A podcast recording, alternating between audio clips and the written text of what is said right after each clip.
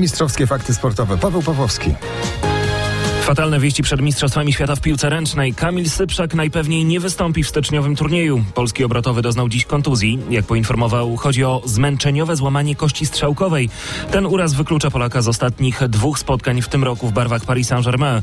Jak informuje Kamil Sypszak, lekarze klubowi przekazali mu, że rekonwalescencja potrwa na tyle długo, że Polak nie zagra również na Mistrzostwach Świata, a te będą współorganizowane przez nasz kraj i rozpoczną się już 12 stycznia.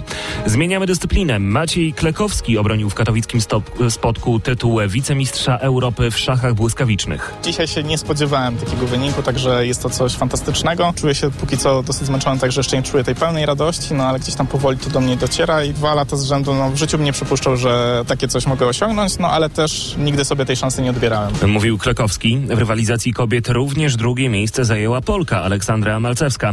Jutro w katowickim spotku rozpocznie się rywalizacja w szachach szybkich.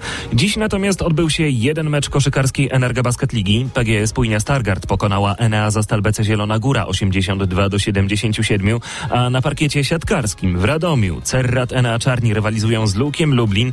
Tam na razie 1 do 1 w setach. Na koniec jeszcze apel Tałanta Dujszebajewa, czyli trenera Łomży Industria Kielce. Trener zwraca się do władz miasta, regionu, sponsorów, dziennikarzy i kibiców. Nie chcę to stracić. Ja chcę tutaj skończyć moją karierę.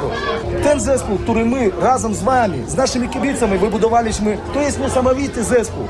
My mamy tutaj zespół na 7-8 lat, który może walczyć o Ligę Mistrzów. Mówił Dujszebajew. O co chodzi? Przypomnę, że kielecki klub od stycznia straci sponsora tytularnego.